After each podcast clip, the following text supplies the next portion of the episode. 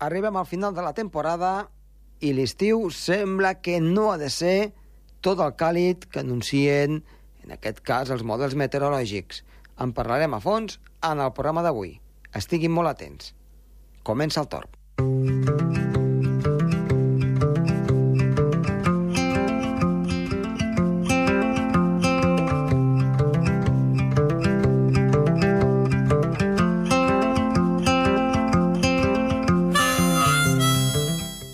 Avui hem de tenir tot l'e- l'equip complet. De fet, eh, primer parlarem amb Gerard Tauler sobre anècdotes meteorològiques i també sobre continentalitat, aquell temps doncs, que fa a l'interior dels continents, que és molt diferent del que fa a les zones de costa.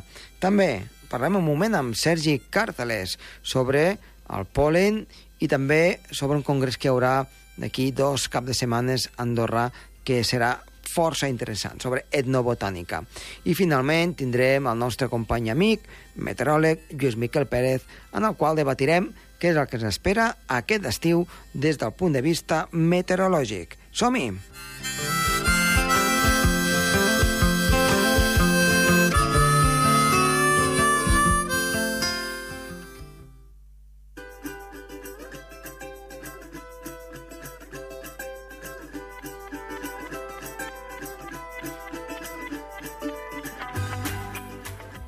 Iniciem aquest últim programa de la temporada parlant amb el nostre col·laborador, Gerard Tauler. Gerard, molt bona tarda. Hola, molt bona tarda, Josep Tomàs. Doncs bé, darrer programa de la temporada, ja fa força calor, estem a, a l'estiu i ens vens a parlar precisament d'un tema que té que veure amb l'estiu, però també amb l'hivern. Sí, la continentalitat. Molt bé, La i continentalitat és l'efecte que hi ha a dins dels continents, que les temperatures són molt més extremades que, que els cantons dels oceans, i les platges, el litoral. uh -huh. i quins efectes podem percebre? Doncs això, la, les temperatures són molt més extremades, sobretot en situacions anticiclòniques, mentre que el, el cantó del mar aquí a la península ibèrica és estrany de passar de, de, de 35 graus a l'interior de la península sovint se passen dels 35 i a vegades amb depressions tèrmiques dels 40 i fins als 45 graus. Uh -huh. Això a uh, l'estiu. I a l'hivern, doncs, a, a la costa les glaçades gairebé són excepcionals i a, i a l'interior les glaçades són molt més freqüents i es formen boires. uh -huh. I aquest, així tenim doncs, el clima continental, que també el podríem extrapolar a altres zones del continent europeu, no? Sí, eh, al continent europeu, per exemple, continentalitat, aquí no tant a la península ibèrica, però a la resta del continent es, es caracteritza per tenir el màxim de pluges a l'estiu i, a, i a l'hivern les pluges no són tan importants, uh -huh. perquè són pluges de, degut a la calor, pluges convectives. Uh -huh. Rússia seria un exemple d'aquest clima Sí, per continental? exemple, sí, del màxim a, a l'estiu de pluja i, i té una amplitud tèrmica molt elevada. Uh -huh. Hi ha un índex de continentalitat, el de Gorzinski, que relaciona la- la- la- la- l'amplitud tèrmica i la, la latitud i, i la continentalitat.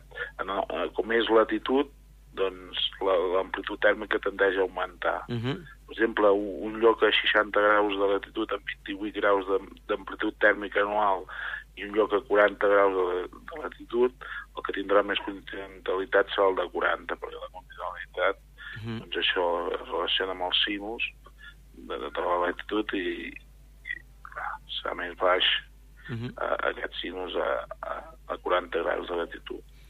Doncs molt bé, eh, Gerard, eh, esperem que tinguis un bon estiu i, Igualment, Josep Tomàs, i t'esperem la temporada vinent. vinga, fins la, fins la temporada vinent, que vagi molt i molt bé l'estiu. Igualment, moltes gràcies. Vinga, Adéu-siau. adéu, adéu. adéu.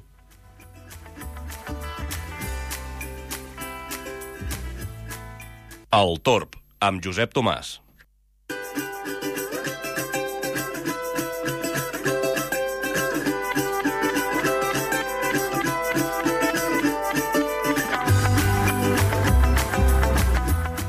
Doncs continuem amb el programa i en aquest cas parlem amb Sergi Càrteles. Sergi, bona tarda. Hola, bona tarda. Doncs eh, ja saps que avui és el darrer programa de la temporada. Esperem que la propera temporada continuïs amb nosaltres. Ens ho hem passat molt bé doncs, eh, parlant, discutint sobre diferents temes del món de la, de la meteorologia, però volem acabar justament amb, amb el polen, que és un tema que hem tractat molt a fons al llarg de que està la primavera i encara amb aquest inici d'estiu. Com ho tenim per aquesta setmana? Doncs bé, està bastant activa la cosa. Pensaríem que ara que ja ha vingut l'estiu, les plantes doncs, deixarien de eh, polinitzar, però la veritat és que ara la cosa està bastant activa. Per exemple, l'alzina i el roure ja portem quasi un World Record Guinness, perquè portem ja moltes setmanes amb un índex 5 de 5, segueixen polinitzant molt fortament aquests dos arbres que són bastant comuns, però després també hi ha alguns altres arbres que ara mateix estan molt actius. Per exemple, les gramínies, Mm -hmm. alerta 4 de 5, també molta polinització, i la parietària i el pi ara també estan amb una polinització molt alta, així que portem doncs, hi ha quatre arbres que estan ara mateix molt, molt actius, a part del xiprer, que està també amb alerta 4 de 5. Així que ara mateix els arbres estan disfrutant del calor, de totes aquestes nevades que ja s'han anat desfent i que ara doncs, no passen gana, no passen set, i per això ara mateix estan doncs, ben formosos polinitzant. Mm, Doncs és, és el seu moment, ara és, cal, tal, cal aguantar una mica aquest embat, a, a, a veure doncs, quan, quan això va a la baixa. Eh, I també ens, ens, tenies que comentar una, una conferència, una sèrie de conferències que hi ha d'aquí uns dies, no? Doncs sí, és que l'Institut Ramon Muntaner està muntant una jornada d'etnobotànica en llengua catalana, serà a Canillo, aquí a Andorra, i és això, la Societat Andorrana de Ciències i el Laboratori de Botànica de la Facultat de Farmàcia i Ciències de l'Alimentació de la Universitat de Barcelona organitzen aquestes novenes jornades ja d'etnobotànica que tindran lloc els dies 6, 7 i 8 de juliol Mhm. d'aquest any. A part, doncs, si qui es vulgui apuntar, doncs tenen a la pàgina web de l'Institut Ramon Muntaner doncs, el correu electrònic per apuntar-se i cal dir que la inscripció és gratuïta, així que tothom que vulgui anar allà està completament invitat. Doncs uh, així ho farem a part, uh, doncs espero que sigui molt, molt interessant i m'havien comentat que el darrer dia em sembla que hi hauria una excursió per veure una miqueta diferents plantes a la zona de la Vall d'Incles, que és una de les valls més boniques d'Andorra. Doncs ja haurem d'anar. Doncs, uh, Sergi, moltíssimes gràcies i t'esperem la temporada vinent. I tant, gràcies, un plaer. Que vagi bé l'estiu. Adéu-siau.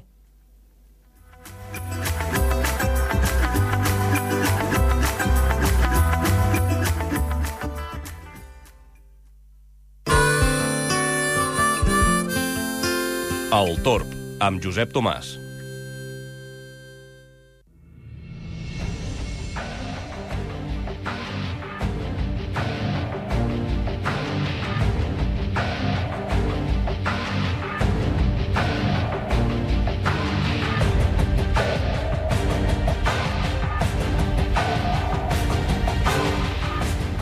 Doncs en el darrer programa de la temporada tenim el nostre amic i company Lluís Miquel Pérez. Lluís-mi, Què diu, Josep? per, Com va? aquí, per aquí estem, ja hem acabat la temporada, tu. Això, mira, ara que ha arribat la calor per fi, mmm, doncs també acabem temporada, a veure l'any que ve. Tampoc tantíssima, tantíssima, No. eh? Tantíssima, eh? Perquè... Com a mínim, mira, hem tingut un mes de propina, Sí, perquè molts anys, a finals del mes de maig, ja tenim molta calor. sí. Com a mínim, més de 25 graus, que aquest any ha estat tota una fita assolir els 25 graus. Es van assolir més al mes d'abril que no pas ara al mes de juny. Exacte. Però sí que és veritat que li ha costat... Te'n recordes que eh, van començar a l'abril amb caloreta, Sí. la neu es començava a desfer... Eh, bé, doncs eh, ja es pensava doncs, que la cosa ja s'havia acabat. Uh -huh. Arriba a mitjans d'abril, canvien les tornes, comencen a arribar borrasques, nevades... Sí. I després de les nevades puja una mica la temperatura, més a maig que no ha parat de, de ploure, Mhm. eh, tres quarts del mateix pràcticament, eh, mes de juny, que déu nhi també, Sí, sí, sí. eh, que ens hem estalviat dos mesos de calor. Eh, a veure, a grans trets, eh? Sí, sí, després ja és difícil. Ja, de fet, mira, aquests dies m'ho preguntaven, no? De, mira, enguany la calor s'ha fet pregar, o s'està fent pregar, de fet. Uh -huh. Això vol dir que potser la calor vindrà per darrere, mm, com si vindrà molt tardana. Clar. Jo et dic una cosa, a veure, potser al setembre sí que són dies calorosos encara, però, però encara. l'octubre jo ja personalment penso que serà difícil assolir els 30 graus al nostre país. Mhm. Dies de caloreta en tenim, sí. Quants anys per tots sants? Mm, Tenim, tenim encara temperatures altes, tot i que això sembla com que, que a la gent no li agrada. La gent et diu allò de no, jo per la castanyada menjava les castanyes amb guants. Sí, Això és un... Mentida. Sí, sí, això és una... Va, a veure, al Pirineu és una sí. constant, sí, home, home, i tant. Ah, clar, home, tu puges per- clar, els que ens estan escoltant ara des de la part més alta de Canillo o des del pas de la casa, de ben segur que se les mengen amb guants. Sí, però- I no a tots sants, potser ja a finals de setembre. Però si te'n vas a, les, a, a fora del que és les, a les zones de costa, no. Mm, Així és. A les costes la gent té la percepció que arriba l'hivern a partir del 15 d'agost, que es diu allò del 15 d'agost ja refresca, i te'n vas a Salou o Cambrils i nits que no baixen de 26 graus i no corre ni una gota d'aire, com estiguis en un pis o en una habitació que no tingui aire condicionat, ets pell. Exacte. Te'n recordes d'aquesta dita, saps? Uh -huh. I tant que sí. Bé, són, són creences populars, però vaja, de moment el que està força clar és que hem tingut un mes de no calor, que als que no ens agrada molt la calor és, és una enhorabona. Sí, a veure, a, a mals i baixos, evidentment, Mm -hmm. Però, però sí que hem, hem tingut aquesta eh, sensació i després realitat, no?, de que doncs, eh, les temperatures no han estat eh, tot l'altres que solien ser per un mes de maig i un mes de juny. Sí, sí. Potser és que no... A veure, què passa? Estàvem mal acostumats. Què és el que passa? També. Què Ara, què és el que passa? Mira, jo ja saps que m'agrada relacionar les coses. En meteorologia o en ciència, les coses tenen un per què sempre. Uh -huh. Fins i tot el que moltes vegades pot passar com quelcom paranormal o misteriós o d'un altre món, té la seva explicació científica, per molt difícil que sigui de trobar-la, però la tenim.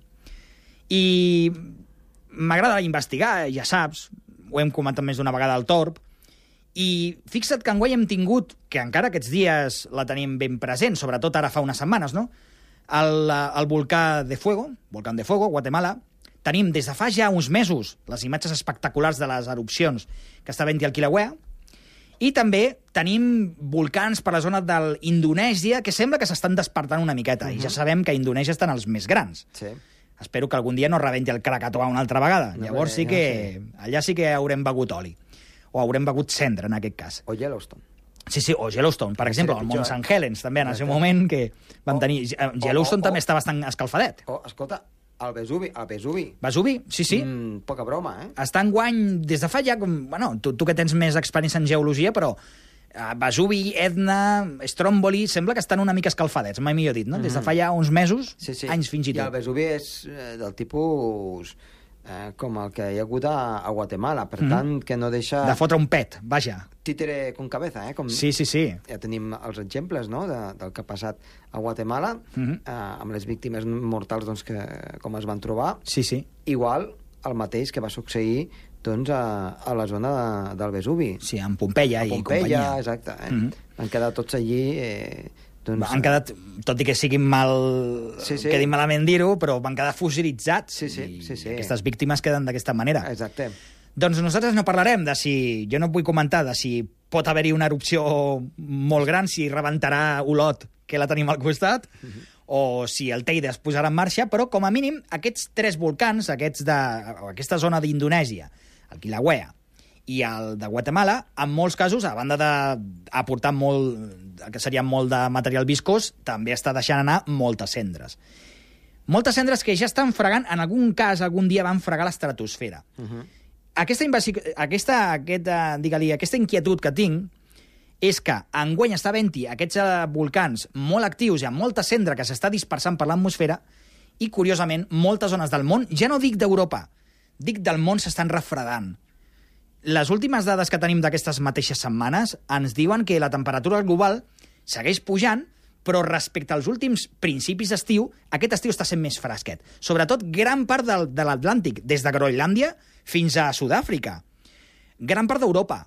gran part del Sàhara no s'està escalfant tant com d'altres anys. Lògicament està fent calor? Sí.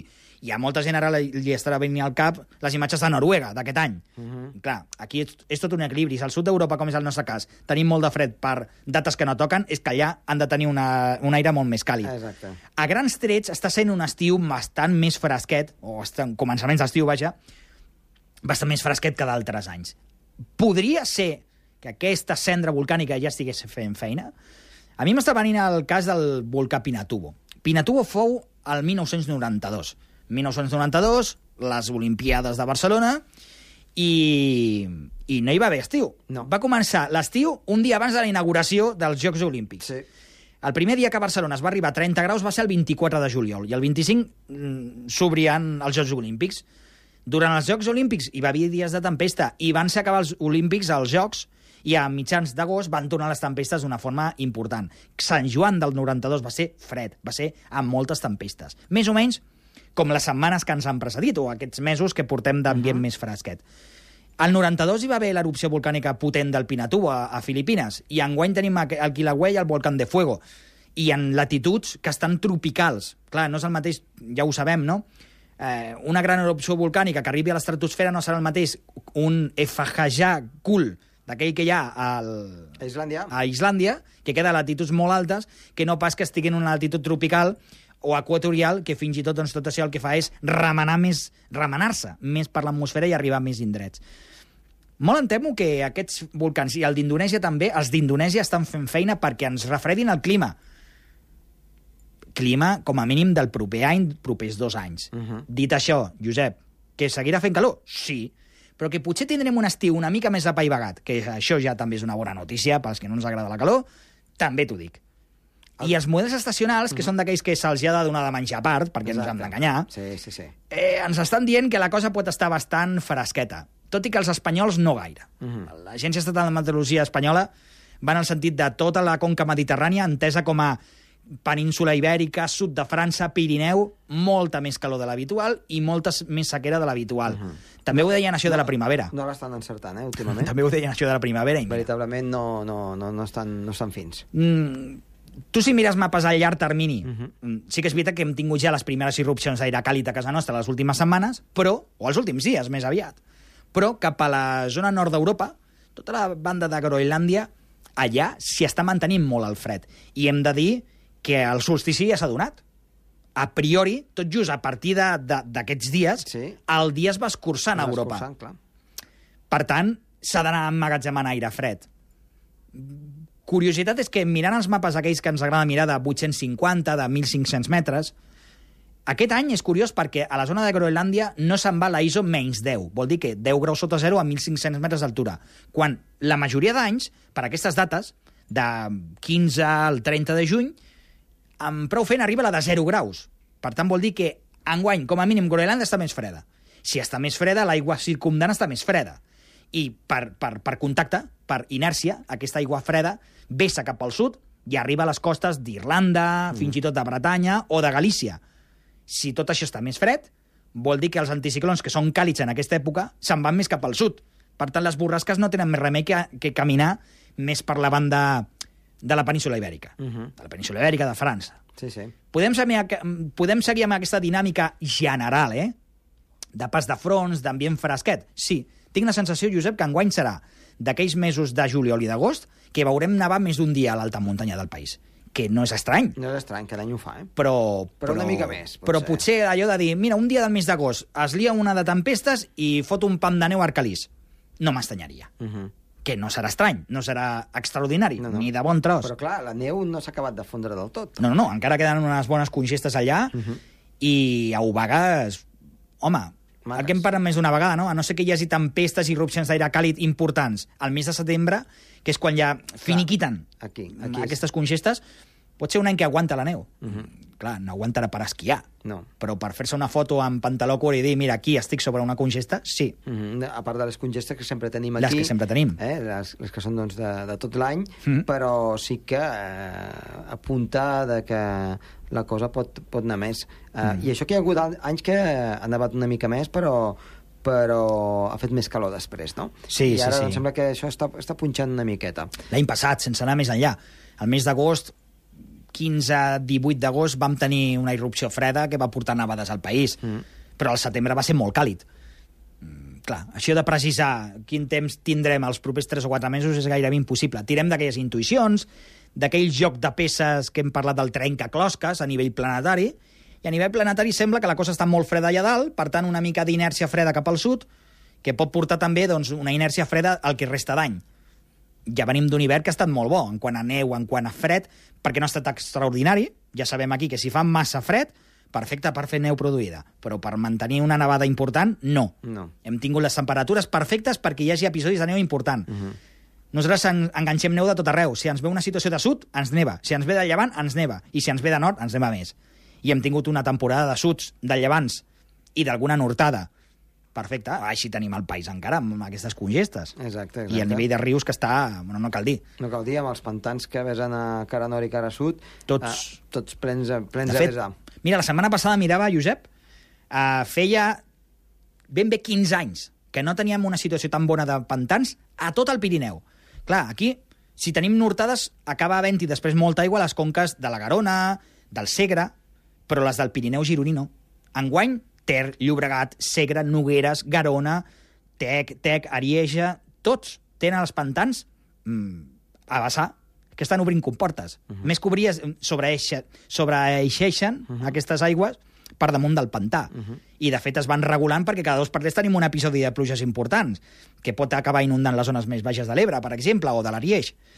Mm, molta aigua, com fa molts anys que no teníem. Bé, bé. De moment encara hem una bona temporada d'estiu. Bé, ja se sap, eh? el clima mediterrani té aquests alts i baixos. Estan a saber. Aquí, les, aquí jo sempre ho he dit.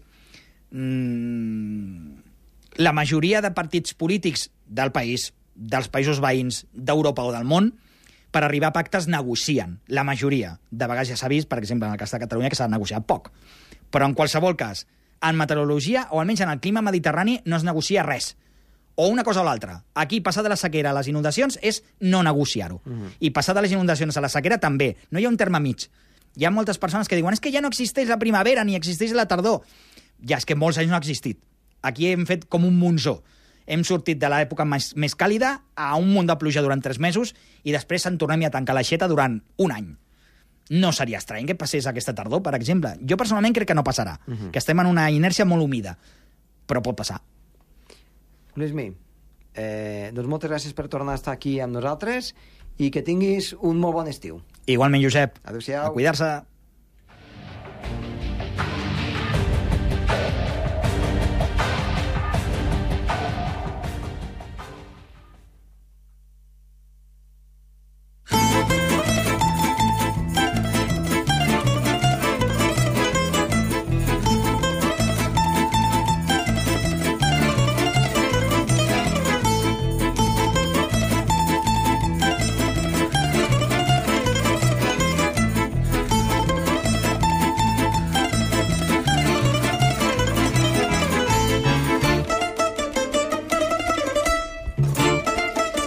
Doncs bé, anem a veure quin temps ens espera per aquests propers dies, per aquest cap de setmana. Apretarà la calor. Dissabte s'espera temperatures altes, unes temperatures que han de superar amb escreix els 30 graus al sud del país i a l'alta muntanya pot ser arribar fins als 20 graus a 2.000 metres d'alçada, per tant, temperatura de prestiu. No s'espera precipitació al llarg de dissabte. I diumenge sí que a la tarda hi hauria una mica més de nebulositat, potser amb alguna gotellada a última hora, però al llarg del dia el sol seria el protagonista.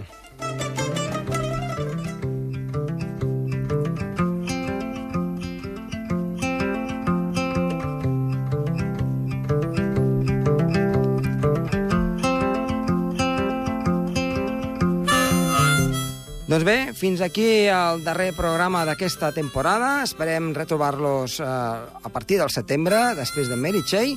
Ha estat amb nosaltres Thierry Morat i qui els ha parlat amb molt de gust, Josep Tomàs. Adéu-siau.